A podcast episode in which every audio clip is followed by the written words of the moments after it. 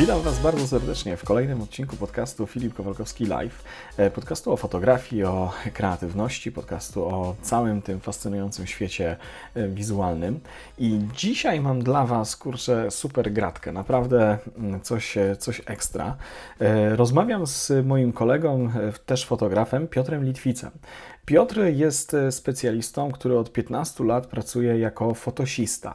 To jest bardzo niszowy zawód, zawód e, owiany troszeczkę tajemnicą e, fotografii na planie filmowym i telewizyjnym o takich niuansach, aspektach, o tym, jak zaczynał swoją karierę, o jego y, wątpliwościach co do, co do przyszłości, czy też braku tych wątpliwości i o tym, jak rozwija się y, ta fotografia i co mu sprawia największą przyjemność, y, właśnie opowiada w tym odcinku. Więc zapraszam bardzo serdecznie do wysłuchania 12 odcinka podcastu Filip Kowalkowski Live. Dzisiaj moim gościem jest Piotr Litwic, fotosista. To co, lecimy. Hej!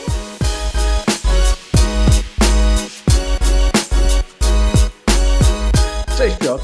Bardzo cześć, cześć Filip. Miło Cię no, widzieć. Ciebie też, właśnie, widzimy się, bo jesteśmy teraz y, y, na Skype'ie. Covidowa bezpieczna odległość tak, tak, tak. Tak, tak, tak. Nie wiem, możemy żółwika sobie przybić jakoś. Tak jest. fajnie, fajnie, fajnie, fajnie. Jak już powiedziałem, bardzo dobrze Ci widzieć. E, Piotr, e, zadam Ci pierwsze pytanie, które mm, wyczytałem. Nawet nie wiedziałem o tym tak naprawdę, bo ja wiem, że, że jesteś fotografem i jakim jesteś fotografem, bo się znamy, tak? Rzadko się widujemy, ale się, mhm. się znamy jeszcze z dawien hen, hen czasów. Ja przeczytałem na Filmwebie w twoje bio i, i, i zawód, jaki ty wykonujesz, to jest fotosista. Mhm. O co chodzi, powiedz mi? E, generalnie chodzi o to, ja, ja, jestem też fotografem, czyli używam do swojej pracy aparatu fotograficznego, natomiast y, fotosista pochodzi od fotosu, a fotos to jest takie specjalne zdjęcie, które jest wykonane na planie filmowym i y, służy ono do promocji danego filmu. To jest tak, że nie wiem, czy to nie jest czy to, to, co za chwilę powiem, nie będzie odpowiedzią na pytanie, którego jeszcze nie mhm. zadałeś, ale generalnie mhm. w mojej pracy wykonuje się fotosy i werki. O znaczy, właśnie. Fo fotosy, tak, to są jakby rodzaje zdjęć, które ja wykonuję w pracy. No, tą główną działką mojej pracy jest wykonywanie właśnie fotosów, czyli to są mhm. takie kadry, które e, teoretycznie powinny odwzorowywać to, co widzi kamera albo kamery. Czyli okay. generalnie mamy aktora w scenografii, tak. nie widzimy całego backstage'u, nie widzimy ekipy, reżysera, lamp i tak dalej, tylko mhm. po prostu kadry, e, kadry jakby z kamery. A mówię, że powinien, bo bardzo, bardzo często bywa tak, że nie da się zrobić e, kadru ujęcia takiego samego, jak widzi kamera, mhm. chociażby dlatego, że stoi się pół metra od kamery albo czasem trzy metry od kamery i te zdjęcia czasem się, czasem się różnią.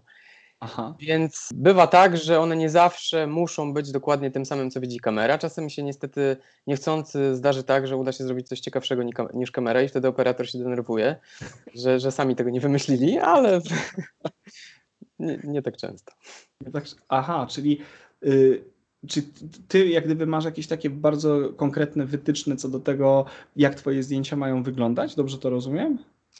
Znaczy generalnie tak, zamówienie jakie jest do, do fotosisty ze strony e, produkcji czy działu promocji, bo to też różnie bywa z, z tym, kto konkretnie zatrudnia fotosistę do, do produkcji filmowej, są takie, że y, główne rzeczy, które robię, to są fotosy, czyli to właśnie co powiedziałem, to są ujęcia tak. jakby wzorujące y, to, co widzi kamera.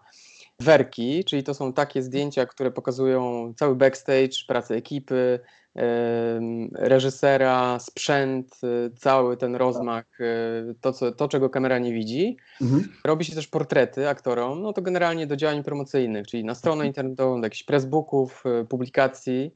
E, plus jeszcze dodatkowym e, zadaniem fotosisty jest również robienie tak zwanych rekwizytów zdjęciowych, czyli to jest tak, że jeżeli mamy zdjęcia u kogoś w mieszkaniu, gdzie zdję jakieś zdjęcia wiszą sobie na ścianie, albo ktoś ogląda jakiś album, albo mamy w filmie gazetę, którą ktoś ogląda, na której mają być zdjęcia mhm. postaci występujących w filmie, to te zdjęcia również muszą być wykonane przez fotosistę. No i takie sesje e, robi się albo przed rozpoczęciem produkcji, jeżeli zdjęcia są potrzebne od razu, albo w trakcie gdzieś tam na boku szukamy takich Aha. miejsc sprzyjających, żeby te rzeczy zrobić. Okej, okay, dobra, bo ja pierniczę dużo tego, słuchaj. Mm.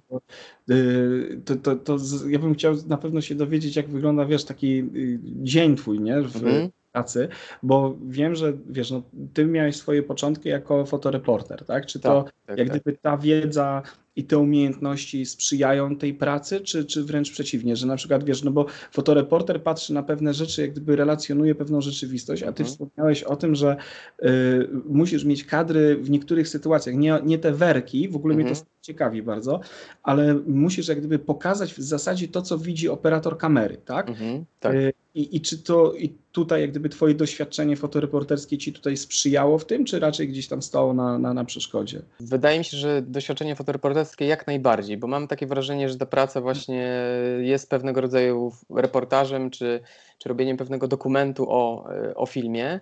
E, Bardzo często e, bywa tak, że osoby zajmujące się bardziej kreacyjnym, kreacyjną dziedziną fotografii e, nie potrafią się na planie odnaleźć, a właśnie Mhm. dlatego, że na tym planie jednak e, nie ma się zbyt wiele do powiedzenia, to znaczy ilość miejsc, w których może się fotografować, sytuacji, w których się może, może fotografować jest ograniczona. Więc jeśli chciałbym tam za dużo namieszać i za wiele osób i sprzętów poprzestawiać, no to byłoby to na pewno niemile widziane. Mhm. E, Dlatego, że jednak po pierwsze tam się robi film, a e, zdjęcia, fotosy, werki czy jakiekolwiek inne rzeczy, które, które powstają, powst e, dzie- dzieją się jakby przy okazji. Mhm. Więc ja muszę wykorzystać to, co w tym miejscu e, już jest, ewentualnie z jakimiś drobnymi swoimi środkami typu mała blenda gdzieś pod ręką, no już lampa niekoniecznie. Mhm. E, no i też muszę się wstrzelić. Bardzo często jest tak, że to już parę razy słyszałem, czy paręnaście razy, że mm, praca na filmie polega głównie na czekaniu. I faktycznie jest tak, że no, w trakcie takiego w takiej jednej produkcji gdzieś tam między sobą e, e, pracują, pracuje z 50 osób, Mhm. e, różne piony, pion reżyserski, operatorski, scenograficzny, kostiumowy i tak dalej, charakteryzacja. No i te osoby się gdzieś e, nawzajem przenikają. Kiedy pracuje charakteryzacja, załóżmy, i przygotowuje aktora, no to e, w tym czasie albo powiedzmy pion e, operatorski też przygotowuje światło, zazwyczaj scenografia już jest gotowa wcześniej. Mhm. To jest tak, że jak, no, są takie momenty, kiedy pracują wszyscy, ale zazwyczaj bywa tak, że, że, że pracują poszczególne piony, no i wtedy inne piony czekają na swój czas. E, Więc wydaje mi się, że jednak ta, ta, ta, ta, ta dusza fotoreporterska, która jednak e, no, działasz tak, że z jednej strony musisz być cierpliwy, a z drugiej strony musisz umieć wykorzystać na przykład 7 sekund na wykonanie właśnie tych, a nie innych zdjęć. Mhm. Więc wydaje mi się, że e, gdybym chciał za dużo no, powiedzieć, dobrze, to teraz ja zacznę robić zdjęcia, to, to stop, stop, stop, wy wszyscy tutaj e, proszę się podporządkujcie, no to myślę, że mogło być to trudne. Oczywiście wiadomo, że jak kariera.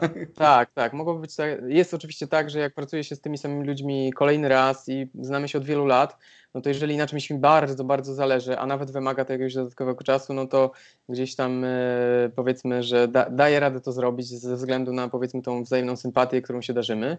Natomiast generalnie jest tak, że właśnie trzeba umieć wykorzystać e, ten moment. Wiadomo, że że szalenie istotne jest tutaj, żeby być niewidzialnym, żeby swoją pracą nie przeszkadzać, jakoś nie, nie wpływać specjalnie na, e, na to, co się dzieje. Także no, ta dyskrecja na pewno, na pewno ma ogromne znaczenie. A to super, super, super. No, bardzo złożona praca i jak tak sobie czytałem troszeczkę wcześniej, to, to wyobrażałem sobie właśnie tak jak mówisz, nie? Że, że y, wymaga mnóstwa umiejętności i to nie, nie tylko jak gdyby umiejętności tych fotograficznych, ale też takich negocjacyjnych, żeby sobie poradzić z ludźmi. Tak, to prawda. A wiesz co, a tak jeszcze cofnijmy się troszeczkę jak gdyby w przeszłość. Jak to się stało, że w ogóle mm, ta praca, i, i, a, nie, a nie inna? Wiesz, dlaczego, dlaczego nie reportaż, a, a jednak, Mhm. jednak praca na, na planie filmowym czy, czy telewizyjnym? Ja, ja szczerze mówiąc, e, bo prawie 15 lat mija, jak zajmuję się właśnie tą dziedziną fotografii. E, Szczerze mówiąc, nie planowałem nigdy wcześniej, Mhm. że, że tak moje losy się po, e, potoczą. Faktycznie pracowałem przez jakiś czas e, w prasie, pracowałem w gazecie i wtedy wydawało mi się, że będę to robił długo, no żeby nie powiedzieć do końca życia. I tak się złożyło, że mm, mój znajomy Marek Szczepański, który był moim nauczycielem fotografii, miał kontakty, w zasadzie studiował z właścicielem agencji fotograficznej obsługującej plany filmowe w Warszawie. I był Mhm. taki moment, to był tam rok około 2004-2005, że zaczynało e, bardzo dużo produkcji się nagle dziać, no i okazało się, że brakuje mu po prostu obsady, brakuje mu ludzi, którzy mogliby to wykonywać. No i najpierw oczywiście wśród znajomych szukał chętnych, a może ktoś kogoś zna, no i ten mój znajomy zaproponował mi to. Ja wtedy jeszcze e, chyba mieszkałem wtedy, studiowałem wtedy w Toruniu. Mhm. E, to był chyba ten czas, no i oczywiście, znaczy ja pomyślałem sobie, kurczę, no fajnie, no ale teraz jakby, no gdzie ja, no robiłem różnego rodzaju inne zdjęcia, ale plan filmowy nigdy w życiu przecież nie byłem na planie filmowym, nawet nie wiem jak to się robi, co tam się dzieje. Natomiast no, y, pamiętam, że wziąłem wtedy swoją teczkę, swoje portfolio jeszcze w formie, formie papierowej, nawet część odbitek była wykonywana własnoręcznie, y, więc wziąłem pod pachę tą swoją teczkę, pojechałem do Warszawy na spotkanie, no i okazuje się, że wtedy spotkałem się z Piotrkiem Bujnowiczem, który był właśnie właścicielem i prezesem y, agencji Fabryka Obrazu. Mhm. No i okazało się, że coś między nami coś skrzyło, że jakoś okazało się, że od początku jakoś i się polubiliśmy i według niego te zdjęcia moje były jakoś e, według niego obiecujące. No i postanowił dać mi szansę, więc jakby zacząłem od y, pewnego rodzaju praktyk. Chodziłem z osobami, które wtedy, no wtedy około 10 osób pracowało w agencji, hmm. więc każdy wykonywał jakiś inny plan, więc chodziłem sobie po prostu y, po trochu na te wszystkie plany. No i obserwowałem to, co się dzieje, żeby się nauczyć tego planowego savoir-vivre też. Mhm. E, żeby zobaczyć, to były też różnego rodzaju seriale. Był serial kryminalny, był serial jakiś romantyczny, był bardzo, bardzo różne rzeczy. Był jakiś sitcomowy, więc mhm. też praca na tych planach odbywała się w różny sposób. Więc też chodziło o to, żeby po prostu przypatrzeć się, coś jeszcze e, samemu porobić. Ja pamiętam, że jeszcze przy, przy, przyjechałem w ogóle z aparatem analogowym. To już zaczynały się. Serio? Zaczynały się tak. E, zaczynała się era cyfrowa. To tak rok pewnie, ja wiem, 2003, może wcześniej, już teraz mi się miesza troszkę. W każdym razie przyjechałem jeszcze wtedy z aparatem e, analogowym, więc pierwsze zdjęcia zrobiłem. Zaraz tutaj gdzieś trzeba było je skanować. E, pamiętam, że był wtedy taki moment, że ja, jak już się okazało, że mam się zacząć e, tym zajmować, te pierwsze aparaty cyfrowe, jak sam pamiętasz, no nie były jakiejś świetnej jakości. I pamiętam, że wtedy jeszcze zastanawiałem się, czy inwestować w aparat cyfrowy i sprzeda sprzedawać to wszystko, co mam, czy może jednak kupić sobie dobry skaner negatywowy i zostać w tym analogu. No ale szybko się okazało, że jednak tych zdjęć e, trzeba robić dużo, trzeba je mieć dosyć szybko, więc jakby to by było jednak generowanie bardzo dużych kosztów. No więc jakoś wtedy za, zacząłem się zaprzyjaźniać z tą fotografią cyfrową. Ale to pięknie, ale też, też podejrzewam, że to by się wiązało z takimi, wiesz, w ogóle praca y, na planie, tak zakładam, to znaczy, bo inaczej, ja fotografowałem też jako fotoreporter i wiem, że były sytuacje, kiedy trzeba było e, być cicho, właśnie tak jak ty wspomniałeś, jak mucha na ścianie. To jak sobie radzisz na przykład w sytuacji, kiedy, nie wiem, jest set zdjęciowy, jest akcja i ty musisz zrobić konkretne zdjęcie, a tu przecież jest klap, klap, mhm. nie? Oczywiście, tak. Tak, tak, tak, więc wiesz co, teraz y, od trzech lat, od początku samego pracowałem na lustrzankach, Mhm. E, to były lustrzanki Nikona, więc wtedy było tak, że trzeba było e, i można było fotografować tylko na próbach. Ewentualnie w plenerze można było gdzieś, będąc dalej, fotografować teleobiektywem. A jeśli to były sytuacje typu, że na próbie nie, niestety nie była 100% sceny, typu, nie wiem, był zapalany tort, e, jakieś wybuchy i tak dalej, chociaż podczas wybuchów, no to jednak na ujęciu pewnie nikt nie słyszałby dźwięku migawki. Więc mhm. jeżeli byłyby to sceny w pomieszczeniach, e, a w takie, w których na próbach niestety nie, nie działyby się te rzeczy, które na, na, ujęciu się zadzieją, no to wtedy można było po, by po scenie poprosić o fotos, o ten czas na to, żeby dodatkowo e, aktorzy powiedzmy zaaranżowali tą scenę, czy powiedzmy jakiś nawet fragment sceny, bo jeżeli byłeś na próbach, no to powiedzmy widzisz, na czym polega ta scena, co cię ewentualnie z tego może interesować. Nie, nie, potrzebujesz mieć, nie wiem, przebiegu całej sceny na 20 fotosach, tylko czasem wystarczy dwa albo trzy, mhm. a czasem jeden, który pokazuje tak naprawdę o co w tym wszystkim chodzi. Rozumiem. Więc za czasów lustrzankowych yy, odbywało się to tak, były takie blimpy, takie y, skrzyneczki. Ja nie miałem nigdy takiej skrzynki, y, ale koledzy gdzieś tam ze Stanów sobie sprowadzali za jakieś ciężkie pieniądze, to kosztowało prawie tyle co aparat. Mhm. Y, raz miałem pożyczoną taką skrzynkę, takiego blimpa, no i działo się to tak, że aparat, oczywiście skrzynka była projektowana pod konkretny model, Okej, okay, czyli wypełniona pianką. Koszmarnie droga rzecz pewnie. Tak, tak, koszmarnie droga, niewygodna. Z przodu miała taki otwór z dwoma E, wersjami e, takiej tuby, która była albo na krótki obiektyw, albo na długi obiektyw. No i trzeba było podłączyć wężyk spustowy, którym wyzwalało się, e, wyzwalało się zdjęcie. Nie było, tam było tylko okienko po prostu na wizjer. Nie mieliśmy możliwości zmienić jakichkolwiek parametrów w trakcie, kiedy aparat już był w środku. Czyli Więc to było straszliwie, tak, to było straszliwie niewygodne, nieporęczne, no ale pewnie część osób twierdzi, że ratowało w, w niektórych sytuacjach życie.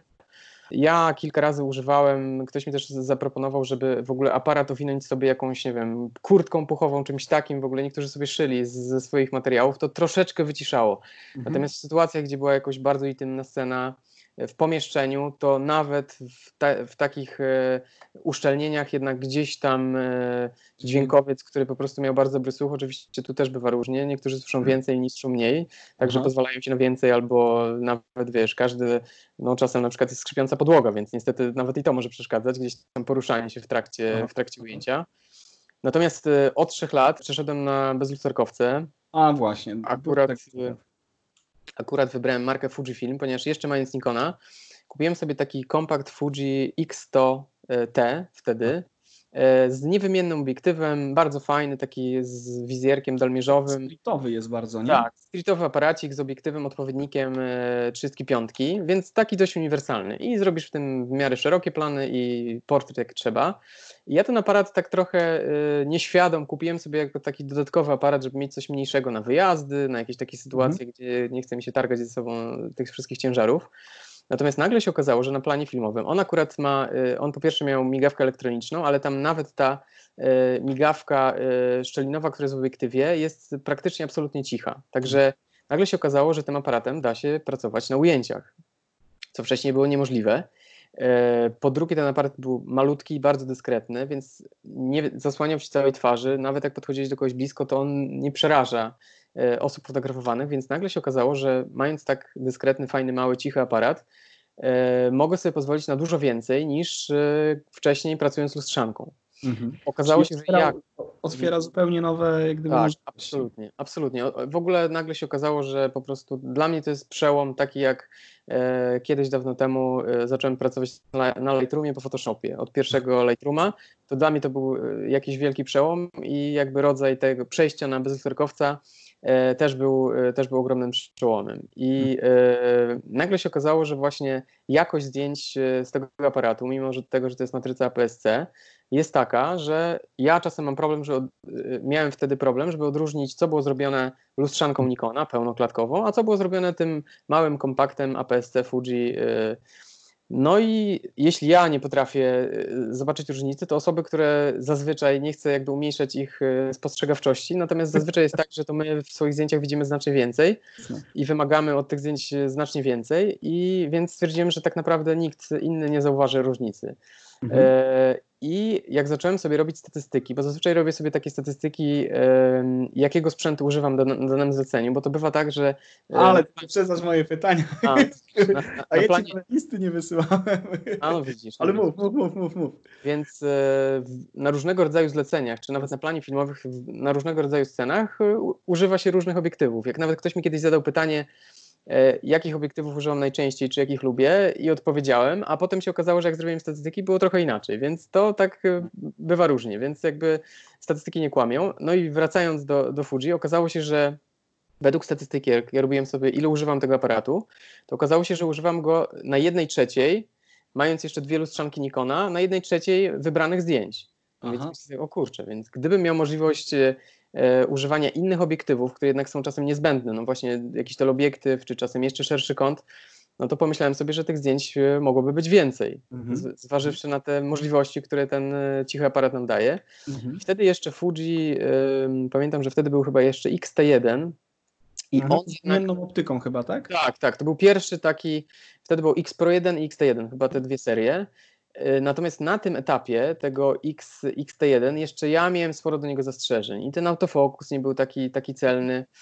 I mm, no jakoś tak praca z tym aparatem nie była jeszcze taka, że mając, e, kiedyś wypożyczyłem go sobie do testów i mając jeszcze w jednej ręce lustrzankę, a w drugiej ręce tego bezlusterkowca, jeszcze nie czułem, nie czułem jeszcze takiej odwagi, żeby, żeby zdecydować się na ten Fuji. Natomiast niebawem e, wyszedł e, model XT2 i okazało się, że on już w zasadzie e, nie dość, że nie odstawał od tych moich Nikonów. Ja akurat ostatnie mm. Nikony, na których, które miałem, to były 750.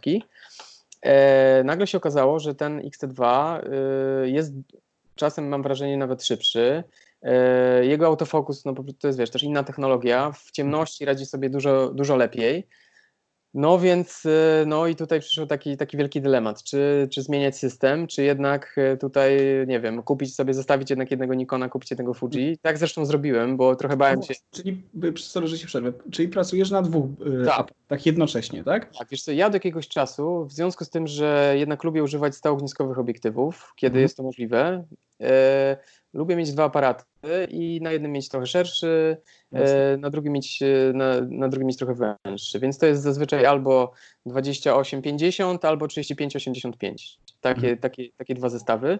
E, bo daje mi to możliwość jakby szybko zrobić zdjęcie i szerokie, i bliskie bez, bez zmiany tego obiektywu, a jednocześnie mam takie poczucie, że mając dwa aparaty, jednak mam zawsze aparat zapasowy, że to jest tak, że nie muszę się martwić, tak, no Raz chyba mi się osobiście w życiu zdarzyło, że, że na zdjęciach mi migawka jeszcze w Nikonie wysiadła, e, ale na szczęście to były nie aż takie, nie aż takie ważne zdjęcia i w związku z tym, że byłem wtedy zaprzyjaźniony z programem Nikona NPS, mhm. to udało mi się chyba w ciągu i, i zdjęcia były niedaleko e, serwisu Nikona, udało mi się szybkim telefonem i e, aparatem zastępczym chyba w ciągu 45 minut wrócić e, na plan z drugim aparatem. No to ładnie. To zapasowym, także, no ale to dlatego, że, że, że było blisko.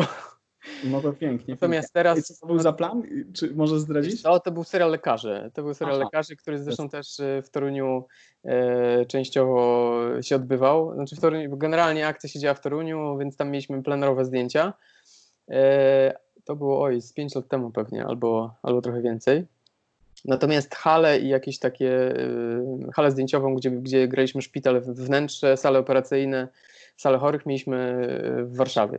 Aha, czyli teraz, czyli masz, yy, czyli, ale, czyli, bo mówisz, że pracujesz w systemie Fuji, tak? Czyli tak.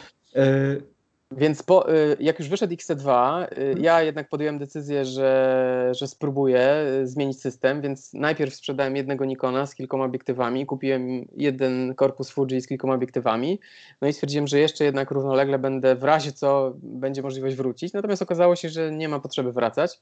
No i odważyłem się sprzedać jakby wszystko, co miałem i wejść zupełnie jakby w ten system bezutrykowy. To już ponad, no z 3,5 roku temu. No to szybko przeszedł.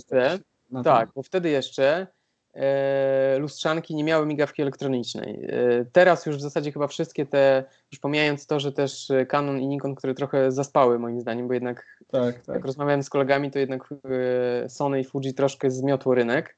Ale teraz się obudzili, nie? Teraz sobie, sobie no właśnie, no właśnie. Nieźle.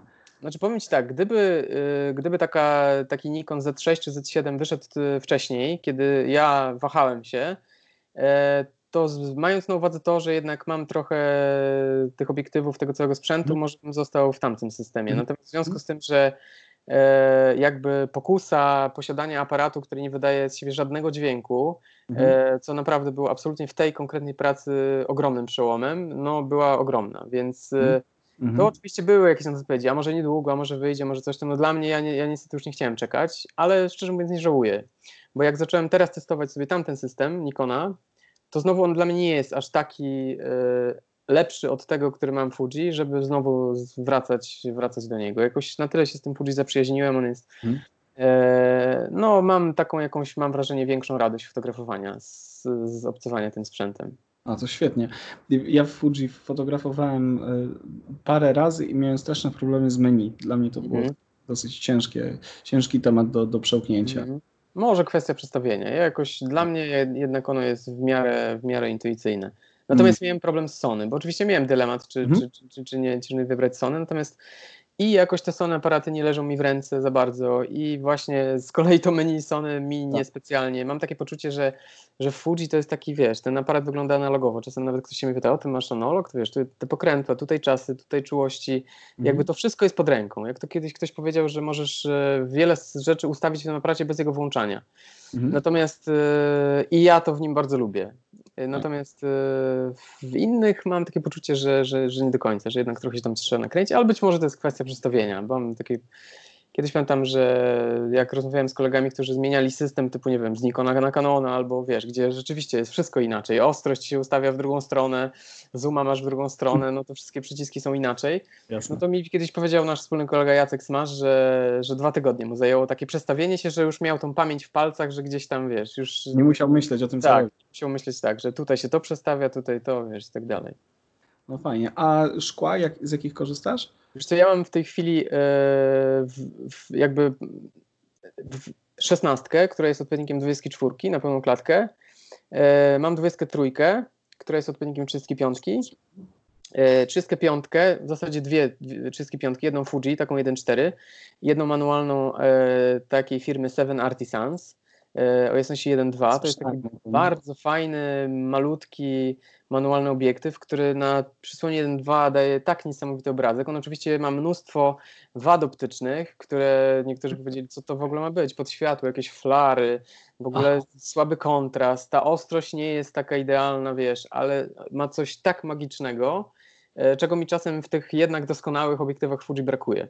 A, to Więc ciekawe. dlatego mam taką 35 drugą, gdzie jeśli mam czas na to, no wiadomo, jednak pracując wiesz, z manualną ostrością nie zawsze możesz sobie na to pozwolić. Mhm. Natomiast jeśli mam czas i chcę zrobić coś bardziej kreatywnego, to wybieram ten obiektyw. I idąc dalej z, z obiektywami mam jeszcze e, 56, 1.2, który jest odpowiednikiem 85 i mam do tego jeszcze dwa zoomy, takie 18-55, e, czyli taki szeroki, e, szeroki, e, szeroki zoom plus e, taki odpowiednik 70-200, czyli, Czyli- taki teleobiektyw plus do tego jeszcze tele- telekonwerter, którego czasem używam, który był w zestawie z obiektywem, także zaszalałem. przy sobie nosisz? Wiesz co? Nie. Właśnie to jest tak, że mm, oczywiście mm, na planie, jeśli fotografuję na planie głównie, to, no to jest tak, że zazwyczaj e, większość z tego sprzętu się przydaje. Mhm. Natomiast jeśli robię inne zlecenia, to mam tak, że mam taką setlistę do określonego rodzaju zleceń. Jeżeli robię konferencję, to biorę to nie wiem, biorę jakieś określone obiektywy. Jeżeli robię jakąś sesję portretową, to na przykład nie, nie wiem, nie używam e, tego szerokiego zooma, bo jednak e, staram się to robić, wiesz, stał, czy nawet nie, nie wiem, nie biorę szesnastki, bo, bo rzadko używam do portretu takiego obiektywu. Więc ta setlista czasem, czasem się różni. E, więc nie, nie noszę cały czas wszystkiego ze sobą, chociaż nawet jak noszę, to i tak to jest wszystko lżejsze niż kiedyś. Pamiętam, ile plecak ważył. No fajnie, fajnie. A słuchaj, to teraz, dobra, mamy, mamy twój taki background, wiemy, wiemy jak to się u ciebie mm, zaczęło i, i też przeszliśmy troszeczkę do sprzętu. Y, to jest też mega interesujące. Wszyscy geekujemy gdzieś tam trochę sprzętowo. Y, a wiesz co, powiedz mi, bo mnie fascynuje przede wszystkim jak gdyby sam charakter twojej pracy. Jak, jak, jak ona w ogóle wygląda? Bo Mhm. Rozumiem, że ty robisz zdjęcia na planie filmowym, ale one nie są y, dla reżysera, tylko one są dla mm, ag- agencji, która tam powiedzmy zajmuje się promocją y, tego i dla producenta, tak? To podejrz- dobrze Tak, myślę? co, zazwyczaj to jest albo agencja właśnie, która obsługuje promocyjnie y, produkcję, albo po prostu dział promocji, jeżeli to jest telewizja, to każda telewizja ma swój dział promocji, który właśnie zajmuje się potem y, promowaniem filmu czy serialu. Mhm. Wiesz co, no moja praca zaczyna się jeszcze zanim zaczną się zdjęcia, y, jak część ekipy dostaje scenariusz i warto, żebym się z tym projektem zapoznał, żeby zobaczyć w ogóle o co w tym wszystkim chodzi. Czyli też dostajesz scenariusz do ręki? Tak, tak, dostaję scenariusze, A, to jest to tak y, fajnie, bo masz wgląd jak gdyby nawet przed, przed nie, wieloma ludźmi do, do, Tak, do tak, co tak. się wydarzy. No, oczywiście trzeba, wiesz, całą stertę dokumentów poufności podpisać. Ja potem, wiesz, nie mogę, teoretycznie nie powinienem w ogóle z nikim rozmawiać, przy jakiej produkcji pracuję. Czasem Rozumiem. nawet sam tytuł jest tajemnicą, a co dopiero, wiesz, historia, Aha. która się dzieje. Żeby, Aha. wiesz, no ja jednak em, czasem, jeśli chciałbym oglądać serial, który, który fotografuję, może mi to zabiera troszkę troszkę elementów zaskoczenia, ale e, jednak e, no muszę taką wiedzę posiąść. Więc, em, więc zaczynam od czytania scenariuszy, żeby zobaczyć, jakie tam występują osoby, jaki jest w ogóle charakter, w jakim czasie jest umiejscowiona ta, ta historia, czy to jest współczesne, czy to jest historyczne. To ma E, znaczenie dla ciebie z punktu widzenia fotograficznego? Mm, Wiesz co? E, Chyba specjalnie nie. Ja myślę, że chyba zawsze muszę się przygotować podobnie. Jasne. E, Z mojego punktu widzenia czasem jest tak, że mm, e, operator operatorowi bardzo zależy, żeby fotosy były zbieżne z tym, e, co będzie potem w filmie i zależy mu na tym, żeby na przykład, nie wiem, obróbka, czy sposób kadrowania, czy użycie takich, a nie innych obiektywów były podobne jak w filmie. No, na przykład był kiedyś taki serial, gdzie operator używał głównie bardzo szerokiego obiektywu, mhm. e, nawet, po, nawet portrety były robione blisko i wtedy, wiesz, bardzo dużo... Bardzo dużo serial, możesz zdradzić? Co? Był taki serial Belle Epoque, e, taki mhm. właśnie... Czyli kostiumowy... Tak, tak, tak. I tam właśnie była, przynajmniej na tych scenach, które które ja fotografowałem, była właśnie taka tendencja do używania wyłącznie szerokiego obiektywu, więc ja teoretycznie no, powinienem gdzieś, żeby to było spójne, w mhm. fotosach mhm. używać podobnych ogniskowych. Bo jeżeli bym użył zupełnie innych, no to mimo jakby samego charakteru e, scenografii, charakteryzacji, światła, czy nawet obróbki, no ten obraz byłby gdzieś tam troszkę w, w inną stronę. A czy ty masz jakiś taki brief czy spotkanie, nie wiem, z operatorem, pierwszym operatorem, nie wiem, czy jest jakiś zespół ludzi, bo jak to wygląda, że dostajesz, bo tak, dostajesz scenariusz, ok, zapoznajesz się mhm. ze scenariuszem, y, no ale scenariusz to jedno, a potem jest ten operator, który ma swoją wizję i to wszystko mhm. ma, musi wyglądać. Czy wy się spotykacie, rozmawiacie na ten temat, czy, czy, czy po prostu to jest tak, że aha, dobra, to jest Piotr, Piotr wie co robi, Piotr mhm. swoją robotę, a my swoją. Jak to, jak to wygląda? Wiesz co, y, czasem tak bywa, że, że, że są takie spotkania wcześniej, na które ja też jestem zapraszany, żeby jednak e, wiedzieć, na czym, e, na czym będzie wszystko polegać, sposób obrazowania. Natomiast generalnie ja raczej spotykam się z działem promocji, który jest jakby, który zamawia te, te, te zdjęcia i fotosy i w zasadzie tutaj jednak to oni mówią o pewnym e, rodzaju zdjęć czy, mhm. E, czy zestawie, który, który ich konkretnie interesuje. Natomiast te rzeczy zazwyczaj potem docierają się na planie, czyli kwestia wybierania takich czy innych obiektywów, czy właśnie sposób świecenia taki, a nie inny, czy to ma być, wiesz, e, naświetlone poprawnie, czy gdzieś jakaś podekspozycja. No, różnie to bywa w zależności od tego, jaki to jest rodzaj. Czasem mhm. jest tak, że mm, film ma pewien rodzaj obróbki, jakiś zafarb. No a ty i wiesz o tym wcześniej, czy nie? Wiesz co, mm, raczej nie. Raczej to się, znaczy czasem bywa tak, że nawet na planie jeszcze tego nie wiadomo. E, okay. Wszystko zależy od produkcji.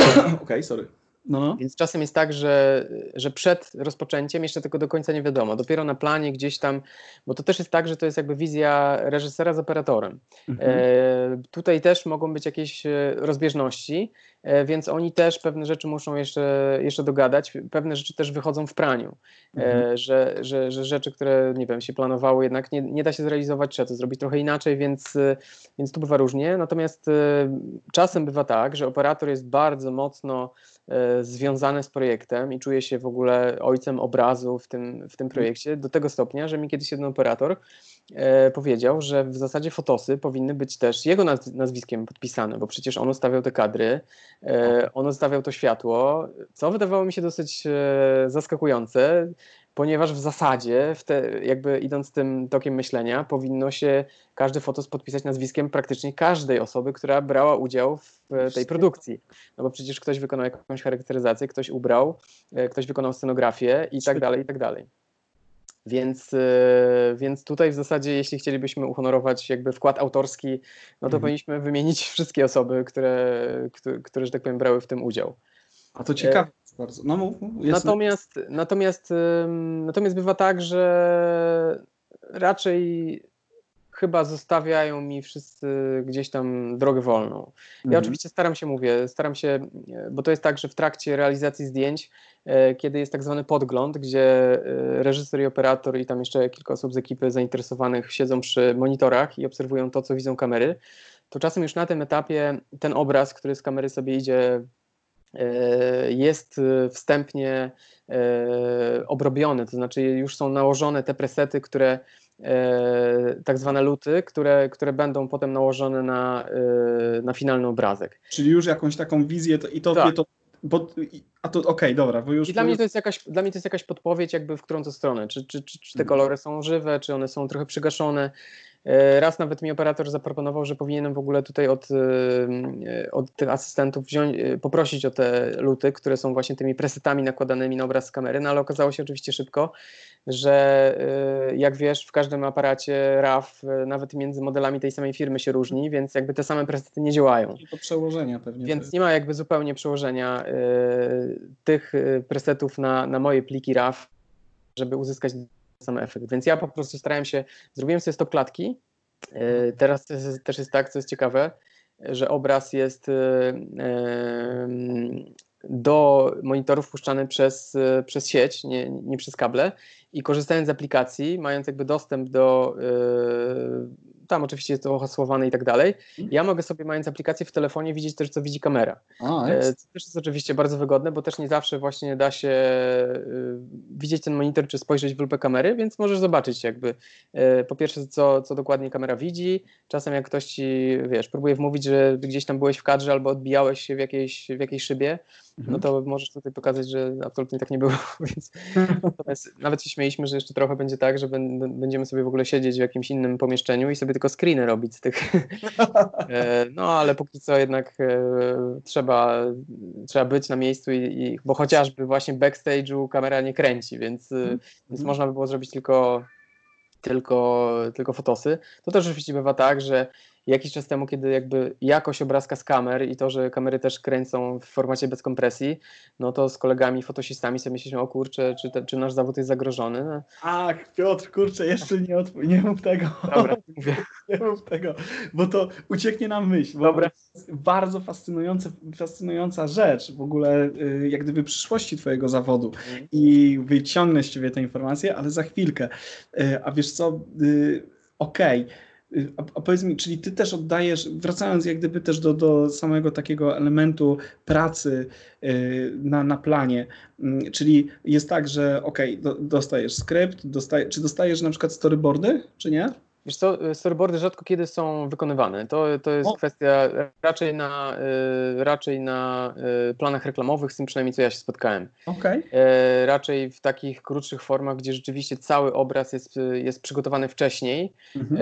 Teraz akurat pracuję przy takim projekcie Usta Usta, gdzie reżyserem jest Bartek Ignaciuk, który jest w ogóle świetnie przygotowanym reżyserem i on na przykład sobie sam rysuje storyboardy wcześniej i on dokładnie, przychodząc na plan, dokładnie wie, jakim obiektywem, y, w którym miejscu będzie stała kamera, jakie plany. On już jakby też myśli Ciekawe. montażem, więc nie robi się w ogóle, nie robi się w ogóle jakichś niepotrzebnych, y, niepotrzebnych ujęć. No niestety hmm. często bywa tak, że e, jest jakaś robiona inscenizacja, e, aktorzy ustawiają się do sceny i wtedy klasycznie robimy szeroki plan i bliskie, załóżmy, e, i, i, i bliskie plany, no nie? I, I to jest tak, że ty potem oddajesz, czyli ty, ty, też odpowiadasz za retusz tych zdjęć, tak? Czyli... Tak, to jakby, czyli tak, ja dostając scenariusz już przed rozpoczęciem zdjęć, przygotowuję się do tego projektu, ewentualnie odbywam jakieś spotkanie, gdzie do, dowiaduję się, jakie są zapotrzebowania, e, co dokładnie potrzebujemy, no i zaczynamy, zaczynamy, e, zaczynamy zdjęcia. No zazwyczaj warto, jest, są wybierane, to jest tak, że ja nie, nie zawsze fotografuję wszystkie dni zdjęciowe, tylko mhm. dni zdjęciowe są wybierane. E, więc e, no zazwyczaj oczywiście jest pierwszy... Przepraszam, że ci przerwę, to nie jest ze stratą dla fotosów, jeżeli to jest cały czas Jest, na... znaczy być może to jest też kwestia jakiejś tam oszczędności. Mhm. E... Wybierane są oczywiście najbardziej istotne dni, najbardziej istotne sceny. Bywa mhm. oczywiście tak, że, że w filmie czy w serialu pojawiają się w różnych scenach te same osoby, te same miejsca, więc jakby na fotosie nic więcej się nie wydarzy, więc warto mieć jednak takie bardziej, bardziej urozmaicone. E, natomiast powiem szczerze, że mi też to jest trochę na rękę, że to nie są wszystkie dni zdjęciowe, bo jednak e, to jest bardzo wymagająca praca. No, dni zdjęciowe po 12 godzin, gdzie jeszcze właśnie zabierasz robotę do domu, o czym powiem za chwilę, e, no to jest jednak duża część Twojego życia. Więc ja już jestem na takim etapie po 15 latach robienia fotosów, że ja nie chcę pracować 20, 25 30 dni w miesiącu. Teraz akurat udało mi się z działem promocji wynegocjować taką sytuację, że mm, wykonuję 10 dni w miesiącu mhm. na serialu, więc, więc to jest tak, że daje mi to możliwość po pierwsze czasu na to, żeby te zdjęcia wybrać, obrobić i przygotować. Mhm. Daje mi też możliwość na jakieś e, inne zlecenia, bo staram się jednak, e, mimo tego, że fotosy są moim źródłem, głównym źródłem utrzymania, Staram się robić też inne zlecenia fotograficzne, no jednak mam wrażenie, że wtedy mamy większą możliwość się rozwijać. A pozwól, e, więc... Y, to ty masz jakieś bardzo konkretne, rozumiem, deadlines też na to, żeby oddać te zdjęcia. Czy to, czy to jak gdyby pracujesz pod dużą presją czasu? Wiesz co, zazwyczaj jest tak, że, że zdjęcia są raz w tygodniu. Umawiamy się na taki dzień, kiedy po prostu ja będę zrzucał zdjęcia z poprzedniego tygodnia. Mhm. E, nie ma tak, chyba że to są jakieś ważne rzeczy właśnie dla scenografii, czy, czy są jakieś rzeczy do publikacji prasowej, że tego samego dnia mam jeszcze wysłać zdjęcia, ale zazwyczaj to jest tak, że po prostu raz w tygodniu wysyłam paczkę zdjęć z poprzedniego tygodnia, więc powiedzmy, że nie jest to aż tak duża presja czasu, y, jak na przykład w prasie, gdzie, mhm. E, gdzie często jest tak, że po prostu robisz zdjęcia i jeszcze zlecenie się nie skończyło, a ty już te zdjęcia musisz wysłać. Także rzadko, rzadko tak bywa. A jeszcze wracając, aha, rozumiem, dobra, bo tak ja myślałem sobie, że to musi być bardzo stresogenne, nie? Że, mhm. że Y, masz wielogodzinne jak gdyby dni pracy, że, że trzeba mhm. potem to oddać, że pewnie jeszcze musisz siedzieć pewnie wieczorami, y, ale czy, czy tam po nocach, żeby jak gdyby ten temat o, y, zrobić i jeszcze go obrobić odpowiednio, tak, żeby jednak tak. to było bliskie temu, co, czy, bo, czyli nie zdarza się tobie na przykład oddawać rawów dla nie, nie. produkcji, nie? Wiesz co, nie ma też takiej potrzeby, nikt nigdy o rawy nie prosił, to znaczy z, ra, raz mi się zdarzyło, znaczy, że ktoś z promocji miał jakiś taki niedosyt zdjęć, czy wydawało mi się, że jeszcze może dałoby się coś innego wybrać i, e, i poprosił mnie o źródło, ale to był pierwszy i ostatni raz, kiedy zostałem poproszony o źródło, bo ja mam tak, że jednak tych zdjęć wykonuję bardzo dużo i jeśli mhm. dla mnie przejrzenie, e, no czasem to jest kilka tysięcy zdjęć z dnia, e, no, zajmuje sporo czasu, E, no. dla kogoś, kto nie ma w tym jakiejś wprawy, bo ja już teraz po prostu w przeglądarce, no to, no to, no to mam wrażenie, że robię to dużo szybciej niż jeszcze kilka, kilkanaście lat temu, gdzie po prostu zastanawiałem się nad dwoma podobnymi zdjęciami, które jest lepsze i czy to z tą ręką trochę wyżej, czy może to z tą głową odwróconą trochę w tą stronę. Teraz już tak e, staram się to robić szybciej. To robisz, zaczekaj, ty robisz kilka tysięcy zdjęć w ciągu tak. jednego dnia? Tak, to jest o, tak, że... Kurde. No ja, ja Jak jakoś... to w ogóle to jest wow, dla mnie to jest niesamowite, nie? Właśnie to jest y, jakby i y, plus i minus jednocześnie aparatu bezdźwięcznego. Mhm. Jak kiedyś dało się robić zdjęcia tylko na próbach i tych prób było znacznie mniej, a teraz mam możliwość robić zdjęcia na ujęciach, więc Aha. Nie poprzestaję na jednym ujęciu zazwyczaj, tylko robię na jednym, potem staram się ustawić w innym miejscu, potem zakładam inny obiektyw. No to jest niestety też mój, nie wiem czy wrodzony, czy nabyty perfekcjonizm, z którym staram się walczyć, ale to jest tak, że no, a jeszcze może tu coś się da zrobić, a to może jeszcze z tej strony, może coś tam i mając możliwość jakby być obecnym e, na większej ilości dubli czy ujęć, e, no to niestety, znaczy niestety w cudzysłowie to robię, no i to generuje takie, takie ilości zdjęć. Ale potem przynajmniej jak wybieram te zdjęcia, to nie mam takiego poczucia, że po prostu, a, żeby się, jeszcze by się przydało to jedno zdjęcie pomiędzy, albo to jedno zdjęcie później, albo to jedno zdjęcie wcześniej. Czyli ty, ty nie robisz tego po to, żeby jak gdyby się tylko zabezpieczyć, żeby mieć te kadry, ale też dlatego, żebyś ty miał tę świadomość, że wybierzesz te najlepsze. Zresztą to jest chyba twoja dewiza, prawda? Tylko najlepsze jest wystarczająco dobre. No tak, no tak. To jest oczywiście tak, że kiedyś mi się wydawało, że to jest coś, co w sobie bardzo lubię, ale uświadomiłem sobie, że tak naprawdę to jest, że perfekcjonizm to nie jest taka rzecz, którą się w sobie lubi, tylko to jest tak, że inni cię za to cenią, a w sobie można to nawet nienawidzić. A w związku z tym, że tak faktycznie uważam, że tylko najlepsze jest wystarczająco dobre, mhm. e, no to niestety generuje te duże ilości zdjęć, z którymi potem muszę się zmierzyć. No i, ale przynajmniej tak jak mówię, no nie mam takiego e, takiego poczucia, że gdzieś tam mogłem jeszcze zrobić jedno zdjęcie więcej. Bo to, to, to jest niesamowite, wiesz, bo e, mi się nie, nie zdarza na tematach, jak, jak, czy jak na przykład robiłem reporterskie, ja nawet sobie zakładałem limit e, mhm. zdjęć, które zrobię, wiesz, e, żeby siebie ograniczyć, jak gdyby mhm. też i, I, z drugiej strony, ale z drugiej strony sobie wyobrażam, że ty nie możesz sobie nawet pozwolić na to, żeby, żeby coś ci umknęło, że to jest trochę jak gdyby wyżej od, od reporterki, bo tu, no wiesz, ty nie powiesz chyba yy, tutaj, tutaj reżyserowi, dobra, przepraszam bardzo, ale zróbmy powtóreczkę, bo tak, yy, tak, tak. uciekło mi, nie? No wiesz, to jest tak jak na ślubie, nie? że po prostu wiesz, nikt dla ciebie niestety nie powtórzy tego, tego momentu, także no ja staram się właśnie z tego powodu tych zdjęć mniej więcej. Oczywiście ja się śmieję, że raz na jakiś czas robię sobie taką terapię, żeby się odcyfrowić. Zresztą cały czas mam w Olympusie MIO2 założoną, e, założonego Ilforda czarno-białego i jednak pamiętając, no jednak miałem to szczęście, mieliśmy to szczęście, mam takie wrażenie, wychować się w fotografii analogowej i no z jednej strony powinniśmy mieć być może większy szacunek dla tej klatki, więc ja czasem tak sobie prywatne rzeczy E, robię w ten sposób, że jeśli mam czas, jeśli mogę sobie czasem nawet e, spojrzeć z dwóch, trzech stron i nie zrobić tego zdjęcia, to nie robię tego zdjęcia, tylko wybieram tą, tą najlepszą stronę. Jednak tutaj właśnie z tego powodu, o którym mówiłeś, że pewnych rzeczy nie da się powtórzyć, jeśli jest ujęcie w zachodzącym słońcu, no to ono będzie jedno w zachodzącym słońcu i drugiego już takiego nie będzie.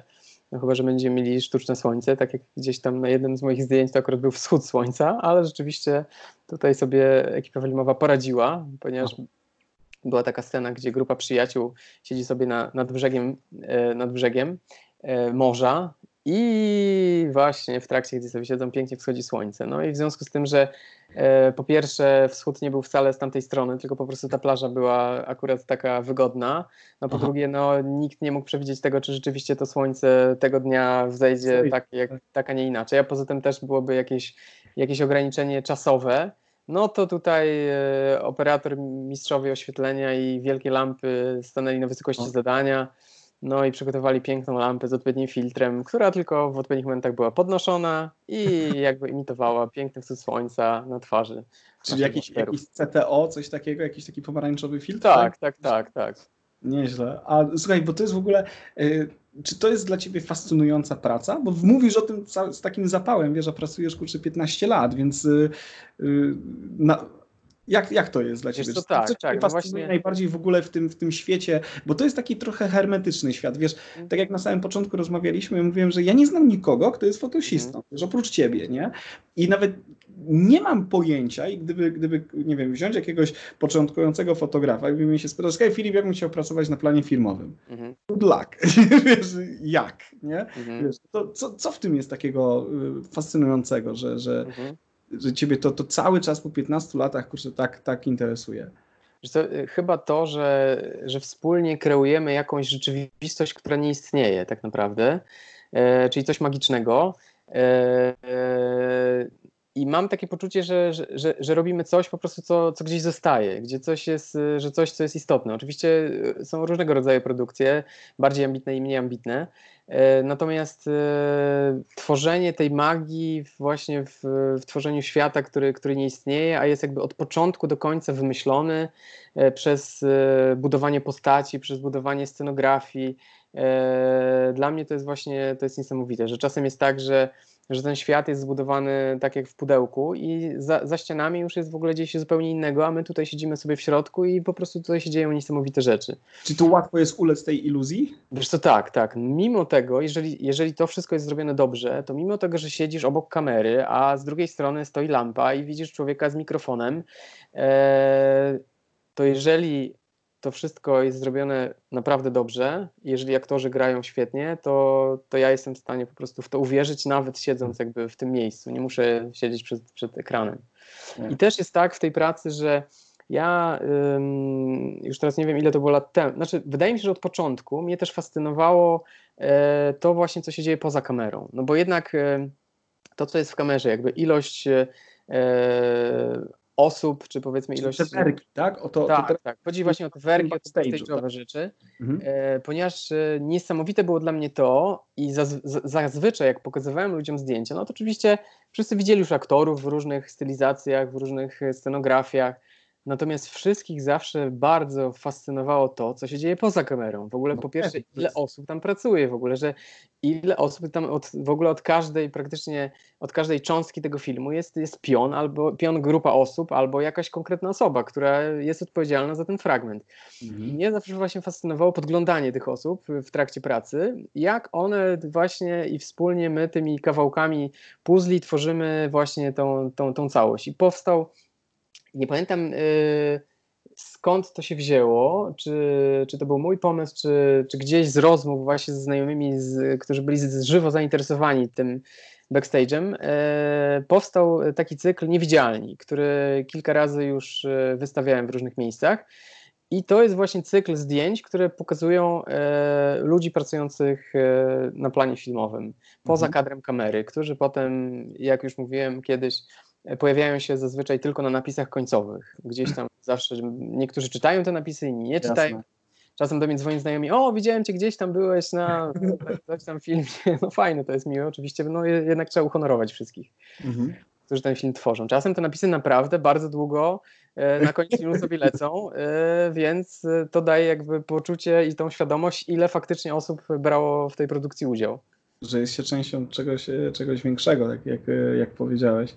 No to jest, no naprawdę to jest niesamowicie fascynujące. Zresztą też takie y, podejrzewam, że jak, jak robisz backstage, to jest takie nagłe wyrwanie się z tego, wiesz, tak jak mówisz, że, że jesteś w tym świecie, kurczę, iluzji, a tu nagle bach, nie, są tak. gdzieś ludzie, którzy... Nagle się okazuje, że y, wino, które aktor za chwilę będzie y, pił z kieliszka, do, do kieliszka jest nalewany sok pożyczkowy z, z kartonika na przykład, nie? I to... Nie no, to tak. tak. wiesz co, tak jak y, y, jest jedno twoje zdjęcie, które mi się strasznie podoba. Stop, nie jemy scenografii. O, ta, o to jest, słuchaj, to jest, to jest odwieczny problem, ponieważ e, jak gdzieś e, w scenie występuje jedzenie, to e, w tym w ogóle, jak, jeśli w ogóle ma powstać, znaczy jeżeli ma być scena z jedzeniem, to wszyscy oczywiście e, już są poddenerwowani, bo najważniejsze jest to, żeby była kontynuacja, bo jeżeli ktoś je ciastko, załóżmy, podczas sceny, która jest kręcona kilkanaście czasem razy z no różnych stron, no to potem, żeby to ciastko zawsze było takiego samego kształtu.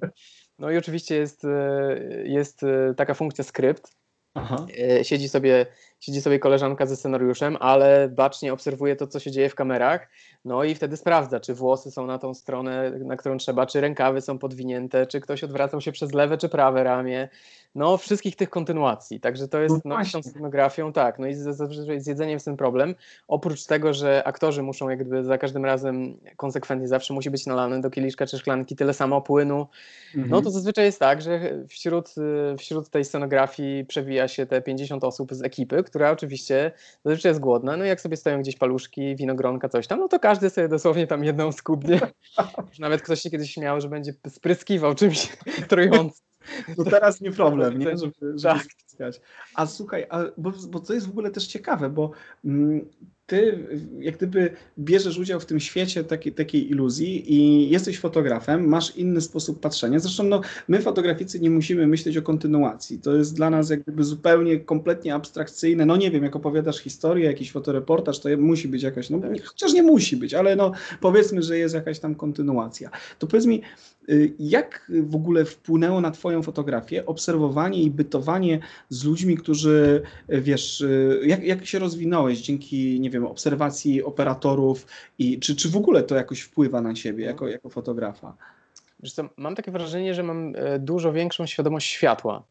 Mhm. E, oczywiście często bywa tak, że na planie jest zbudowane e, ładne, ale mało realistyczne światło, w sensie takim, że to nie jest e, jak w, jeżeli jakakolwiek ekipa wchodzi do pomieszczenia, gdzie są przecież jakieś lampy, są jakieś, nie wiem, e, oświetlenie zastane, to i tak zazwyczaj jest ono albo filtrami E, przygaszone albo jakimiś dimmerami, albo po prostu jest zasłaniane i są, e, są po prostu wkładane lampy filmowe, tak żeby, te, tak żeby to światło było jak najkorzystniejsze, żeby osoby e, w tym świetle wyglądały jak najlepiej, żeby w ogóle zbudować odpowiedni nastrój.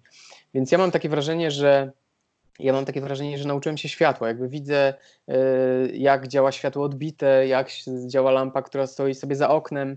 E, mam takie poczucie, że, że chyba jednak dużo więcej e, świadomie sam albo używam, na przykład blendy czy, czy jakieś lampy, jeśli wykonuję jakieś portrety, albo po prostu y, bardziej się rozglądam i zastanawiam się, gdzie będzie lepiej, że gdzie na przykład y, mamy jakieś y, światło odbite, które nam będzie e, fajnie rozświetlało sylwetkę czy twarz, a gdzie powiedzmy, że, że warto się rozejrzeć. I mam takie wrażenie, że dzięki tej pracy na planie, gdzie, no mówię, światło jest tak naprawdę budowane zazwyczaj od zera i mam możliwość jakby podglądać, jak robią to najlepsi.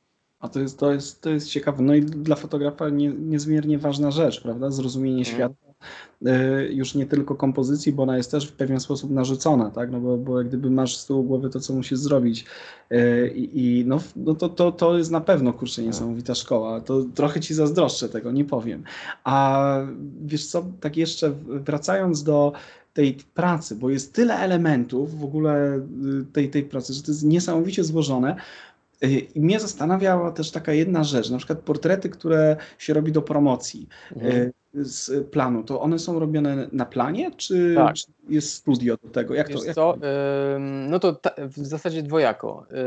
Takie portrety, które są robione do Facebooków, do jakichś tam Instagramów czy innych i publikacji prasowych, zazwyczaj są robione na planie, dlatego że wtedy po pierwsze mamy aktorów, po drugie oni są w tych kostiumach i w tej stylizacji, w jakich występują z Mhm. tymi postaciami Mhm. e, i dlatego łatwo ich e, w tym momencie złapać. Natomiast są też robione sesje promocyjne, billboardowe, no i w związku z tym, że jednak tutaj jakość, e, jakość tych zdjęć, e, ilość e, powiedzmy stylizacji, możliwości przebiórek jest, jest dużo większa, wtedy po prostu są takie sesje organizowane osobno. No bo tu jednak w trakcie, w trakcie planu zdjęciowego jesteśmy skazani Mhm. na to, w czym aktor akurat występuje w tym momencie tego dnia. E, natomiast n- nie ma za bardzo możliwości, no w zasadzie w ogóle nie ma możliwości, e, nie wiem, ubierać go inaczej, e, zrobić w kilku różnych wersjach, zmieniać fryzury, no bo to wszystko jest jednak przygotowane do tego konkretnego ujęcia. I to jest też twoja rola, tak? Te zdjęcia takie studyjne. Nie, e, nie, wiesz co, nie? e, ja kilka razy robiłem takie zdjęcia, natomiast ja się też w tym nie specjalizuję. rozumiem. Więc y, ja głównie się, to robią osobni fotografowie studyjni, Aha. którzy jak gdyby specjalizują się w fotografiach wizerunkowych, e, rozumiem. reklamowych, e, billboardowych, tego typu. Mhm, mhm. Natomiast ja raczej skupiam się na tych planowych rzeczach. na, na, tym, na tym, co się dzieje na planie. E, rozumiem, rozumiem. A powiedz mi, e, bo to jest tak, bo, bo ten świat się dzieli też, powiedzmy, tak upraszczając, na, na dwie takie e, dziedziny, na, na e, seriale i na filmy. E, Mhm. co jest ciekawsze dla ciebie? Wiesz Na, filmie, czy na, na planie filmowym, czy serialowym? Mm, powiem ci tak, że mm, to wszystko zależy oczywiście jaki to jest film, jaki to serial. Y, Natomiast y, mam takie wrażenie, że mm, kiedyś było tak, że jednak filmy fabularne były ciekawsze. No, na przykład miałem okazję być e, z filmem e, Broad Peak, który już zakończyły się zdjęcia. Zdaje się, że jakoś początek przyszłego roku mamy premierę. E, No, byłem na przykład w Alpach. Mieliśmy zdjęcia na, na 3,5 tysiąca metrów w schronisku. Znaczy w schronisku mieszkaliśmy, a zdjęcia były na lodowcu. No w serialach raczej nie ma takich, tego typu scen. No tutaj jednak historia była historia e, Himalaisty, historia Macieja Berbeki, którego no, trzeba było pokazać w ten sposób. E, Natomiast mam takie poczucie, że już teraz e, także seriale są e, robione z większym rozmachem. No, miałem okazję na przykład pracować e, dla Paktu, e, znaczy dla, dla e, w serialu Pakt, Mhm. dla HBO albo serial nielegalny dla Kanal Plus, który, by, który był robiony tak naprawdę środkami, takimi jak e, nawet czasem jedna fabuła nie ma. Mhm. Bo to też mam takie wrażenie, że e, fabuła serialu może się różnić ilością dni zdjęciowych, jakie są przygotowane na sceny. Jednak e, w fabule, być może to też wynika z tego, że jednak trzeba się przygotować tak, że, że ten obraz będzie oglądany na, w kinie na trochę większym ekranie niż, niż seriale. E, I jednak na wiele rzeczy potrzeba dużo więcej czasu. No też zdarzają się takie sytuacje, gdzie e, spotykamy się, mamy realizować sceny, jednak okazuje się, że ta scenografia nie działa i Mhm. po prostu trzeba wszystko przebudowywać. I być może gdyby był to serial e, do telewizora, to ktoś machnąłby ręką i by stwierdził, dobra, jeżeli nie możemy tego zmienić, po prostu musimy to polubić. A jednak jeżeli to jest fabuła e, i będzie to grane w kinach, no to, no to nie ma takiej w ogóle opcji. Po Mhm. prostu wszystko musi być zrobione idealnie.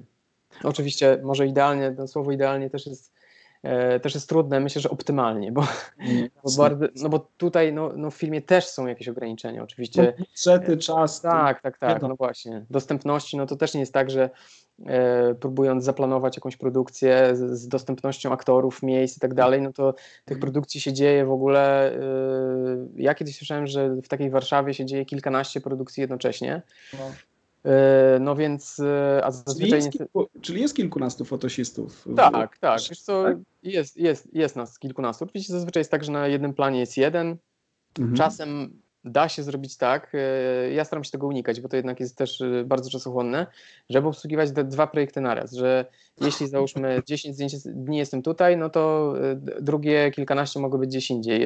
No niektórzy tak pracują, że w dzień tutaj, a potem na nockę jadą na przykład gdzieś tam sobie na inny plan.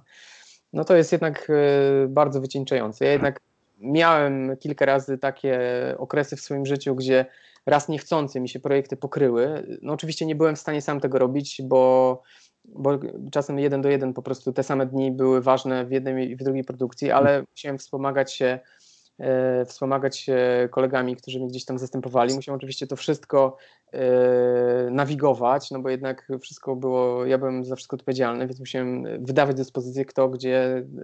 No zdarzyło się raz tak, że... Jak głowy.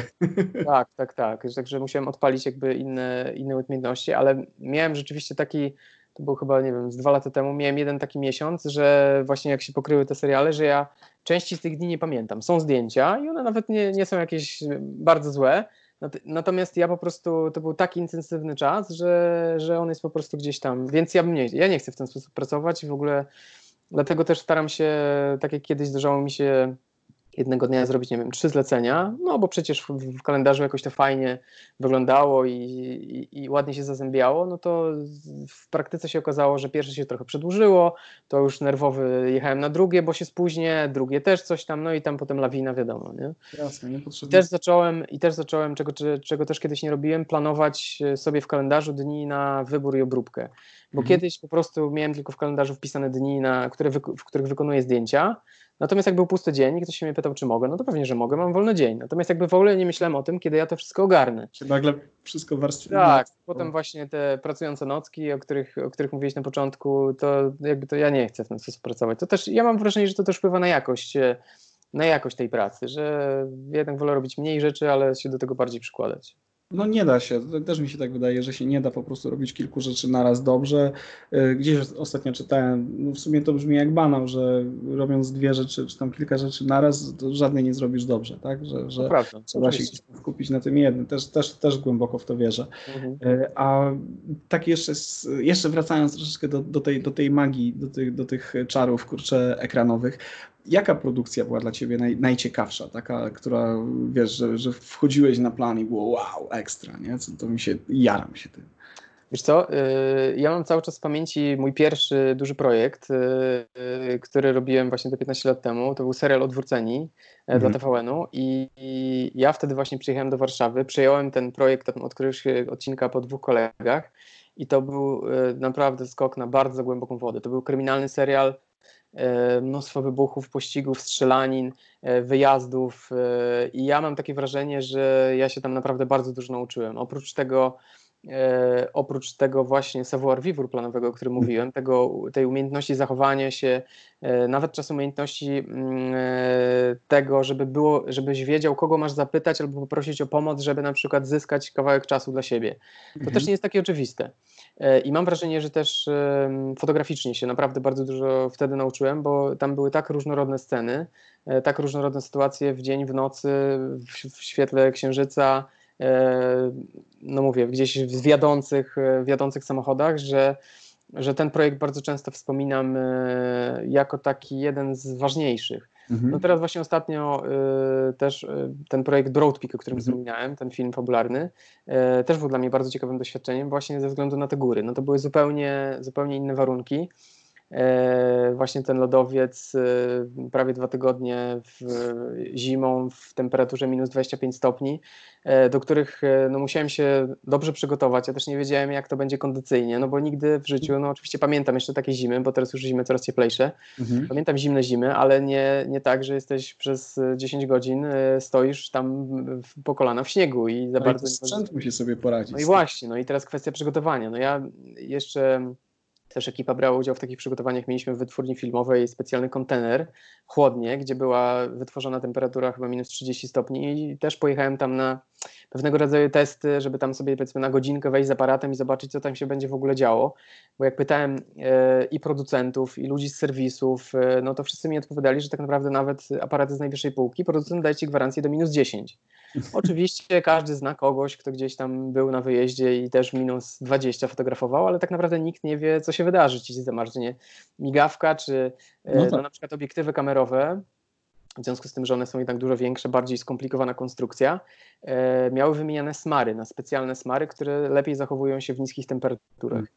I faktycznie miałem tak, że w jednym z obiektywów w zoomie tym długim pierścień zooma, tam momenta, momentami chodził mi troszeczkę trudniej. Natomiast poza tym, oprócz tego, że co było oczywiste i na co się też przygotowałem, że baterie będą padać dużo szybciej w tej mhm. temperaturze, no, no to muszę przyznać, że w zasadzie sprzęt spisał się nieźle. Oprócz tego, że tak naprawdę Ja oczywiście wziąłem sobie wszystkie swoje fajne obiektywy do plecaka, natomiast okazało się, że jak stoisz ileś godzin w temperaturze minus 25 i jeszcze do tego wieje, to zmiana obiektywu nie jest wcale taką oczywistą sprawą. Więc w tym momencie na przykład doceniasz zooma, bo myślisz sobie, no dobra, w sumie chyba jednak, albo na przykład stoisz sobie E, no bo wiesz, już samochodzenie, oprócz tego, że jest wysokość, jest mniej tlenu i bardziej się męczy, to samochodzenie po śniegu e, w tym, wiesz, stroju grubym i tak dalej jest bardziej utrudnione, także jak masz taką sytuację, że na przykład robisz jakieś zdjęcie i widzisz, że tam przeszkadza ci jakiś słupek, no to myślisz sobie, że no to lepiej zrobię tam cztery kroki w prawo, w prawo czy w lewo, bo w Photoshopie będę tu dłużej wymazywał. No to mhm. tutaj jak spojrzałem sobie, jakiś słupek mi gdzieś tam wchodzi, to stwierdziłem, że jednak zostanę w tym miejscu i szybciej będzie wymazać go w Photoshopie. Gdzieś chodziło coś, wiesz, przeszkadzające. Zrobi się w postprodukcji. Tak, tak, tak. Także, no, e, także ze względu na te e, dość trudne, wymagające, ale też myślę, że dające duże doświadczenie mhm. warunki, no ten projekt też był dla mnie bardzo, bardzo ciekawy. A jak długo tam byliście na tym Broad Peaku? E, ja na lokacji faktycznie tam? Wiesz co, nie, nie. To znaczy e, ekipa była też wcześniej w Himalajach, e, nie na samym Broad Peaku, to oczywiście tam troszeczkę E, ta magia kina będzie, wiesz, e, kolorowana, czyli część, yes. część gór będzie oczywiście w postprodukcji drabiana. Natomiast ja byłem, znaczy mieliśmy troszeczkę zdjęć w Polsce i w Zakopanym, w, w górach i trochę zdjęć w Warszawie. E, natomiast jakby ta część, ekipa była też w Himalajach e, na części zdjęć, ale tam była ekipa po prostu ograniczona do, nie wiem, 10 osób. Jasne. E, I tam w zasadzie fotosami się chyba reżyser zajmował, robił tam swoim, swoim telefonem i to są jedyne jakby fotosy, które, które są stamtąd. Natomiast ja byłem zaproszony na te zdjęcia w Alpy. Mhm. I tam no, prawie dwa tygodnie na tej wysokości. No to też było tak, że nie do końca, to, to, jest w ogóle podobno pierwsza produkcja, która powstawała w ten sposób. E, pierwsza w ogóle polska, ale zdaje też, że jakiś fenomen na rynku zagranicznym. E, na początku mieliśmy mieszkać na dole, co na dole to już i tak było tam 1300 mhm. e, i dojeżdżać na zdjęcia kolejką, ale okazało się, że jak się załamie pogoda, to kolejka nie kursuje. A na górze jednak e, może da się te zdjęcia realizować, więc z tego powodu było schronisko zamknięte wyłącznie dla ekipy. No i tak sobie mieszkaliśmy na tych.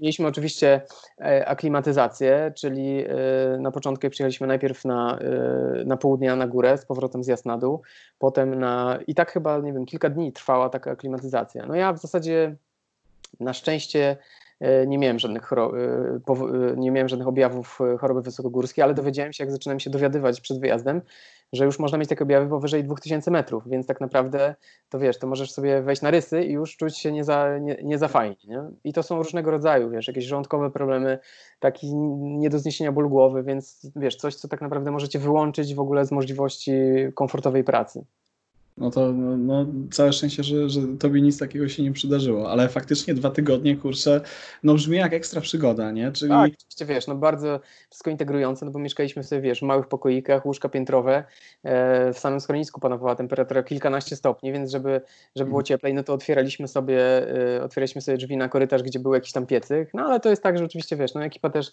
e, niektórzy mówią, że jest taką jedną wielką rodziną, zwłaszcza na wyjazd. No, tak, wyglądają relacje. Y, na, na, na planie? Jak to, jak to jest? Jest to bardzo schierarchizowane, czy, czy, czy, to, czy to jest tak, że każdy zna swoje miejsce? To wszystko zależy. Ja, ja, mi się wydaje, że na, y, przynajmniej ja mam takie doświadczenia, że te, w produkcjach, e, gdzie rzeczywiście ta ekipa nie jest dobierana przez łapankę przypadkowo, tylko e, kierownik produkcji czy osoby, które zajmują się doborem osób e, do ekipy, no wybiera na podstawie po prostu wcześniejszych doświadczeń. Czy mhm. czasem jest tak, że jedne osoby pracują z drugimi osobami w jakichś tam zespołach. I mam takie wrażenie, że, mm, no tak jak mówię, ja mam przynajmniej takie doświadczenia, że zazwyczaj ta ekipa jest bardzo zgrana. No to jest szalenie istotne.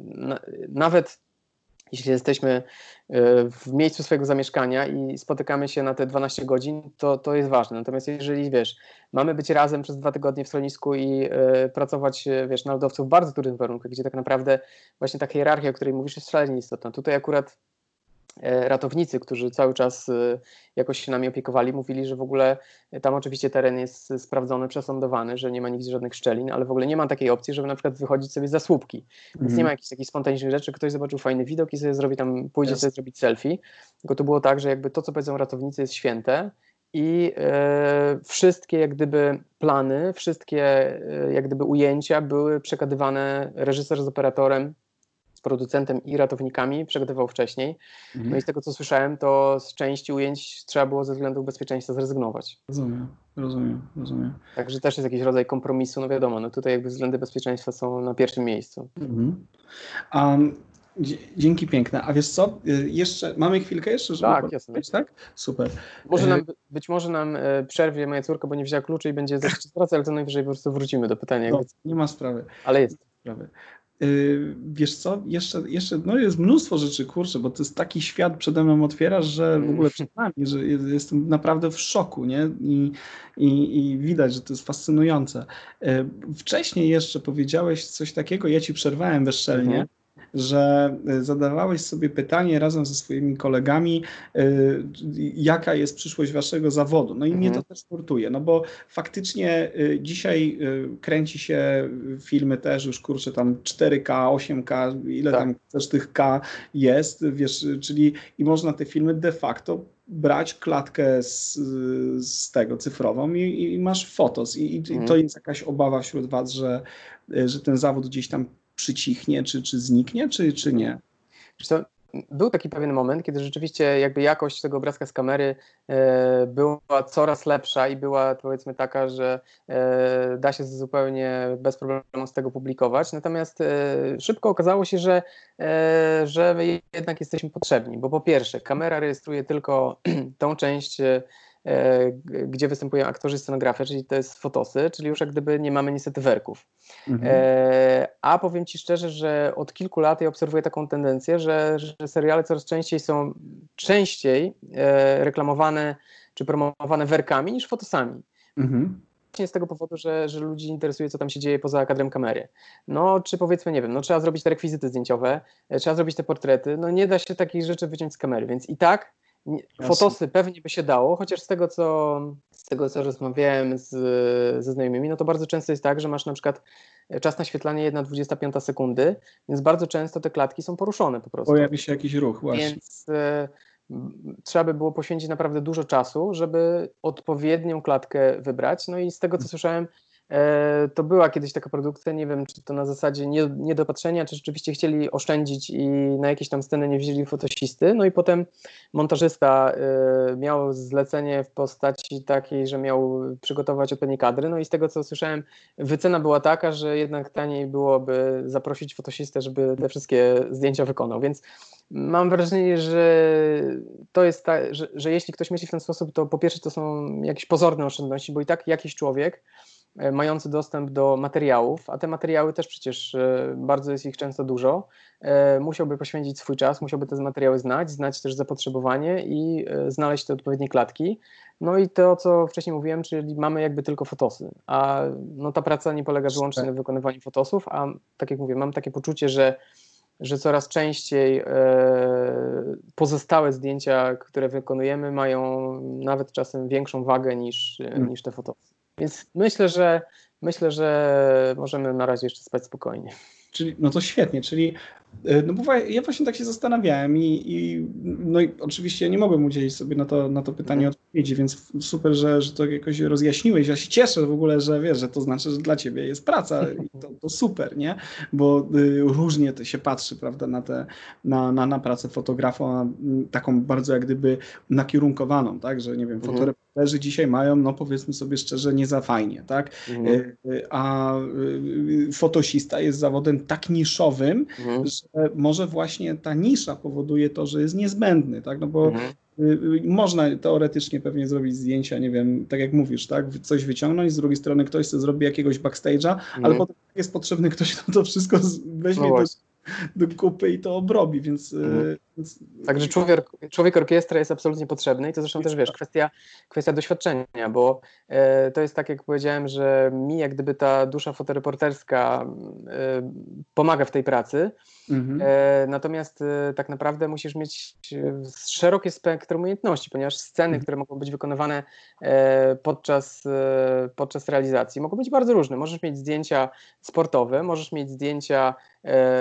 wiesz, sesję portretową, możesz mieć, e, nie wiem, e, uroczystości jakieś, załóżmy ślubne, no możesz sobie jeszcze tutaj jakby wymieniać rodzaje, wiesz, fotografii, z których jakby doświadczenie może tutaj, może tutaj się przydać. No tak naprawdę spektrum możliwości, które będą potem jakby kręcone w trakcie tej produkcji i jakby im, im jest większe twoje doświadczenie w tych dziedzinach fotografii, tym lepiej sobie poradzisz. Mhm. I mam takie poczucie, że e, to też jak ktoś kiedyś powiedział, jakby czym się inspirować. No, ja, mam, ja mam trochę tak, że e, staram się różnego rodzaju, wiesz, e, no ta fotografia reportażowa jakoś cały czas, cały czas mnie interesuje.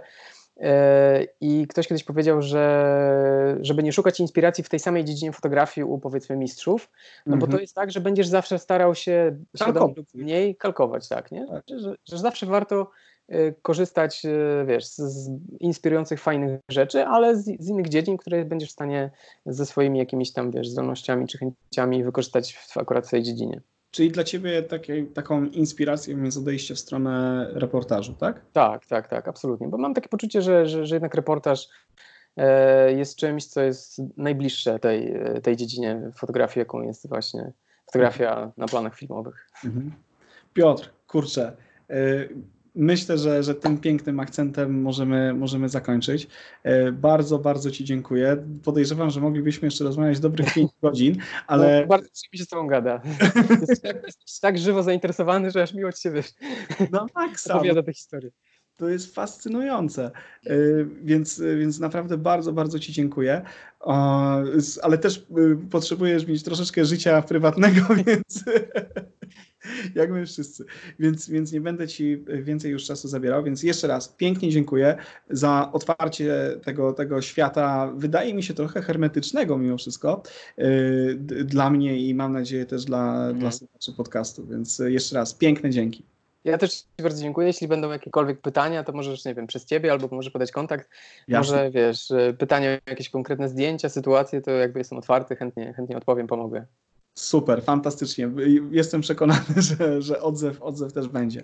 Więc e, jeszcze raz, Piotrek, e, dzięki piękne, miłego dnia, trzymaj się, kończymy. Bardzo Ci dziękuję, pozdrawiam serdecznie, cześć. No, hej, hej.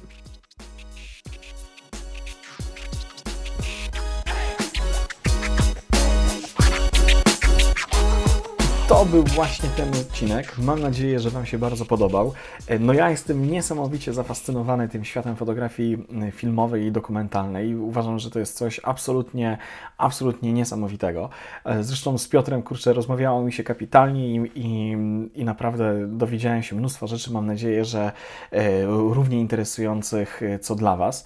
I jeżeli macie ochotę obejrzeć pracę Piotra, to zapraszam na jego stronę internetową www.piotrlitwic.com tam znajdziecie właśnie jego zdjęcia e, z planów, e, jego, jego też e, trochę projektów, jak gdyby takich prywatnych.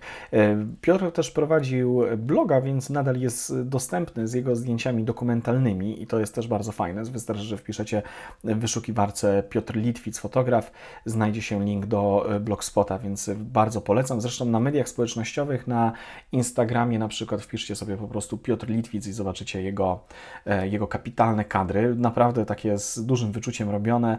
E, no zresztą nawet nie wspomnieliśmy o tym, bo kurczę, no nie było gdzie wcisnąć, ale e, Piotr jest też e, częstym laureatem konkursów fotograficznych, tych najbardziej prestiżowych w kraju, więc naprawdę jest to, jest to fotograf no, o, o świetnym oku i też dużym, dużym wyczuciu i docenianym fotografem, całkowicie słusznie zresztą.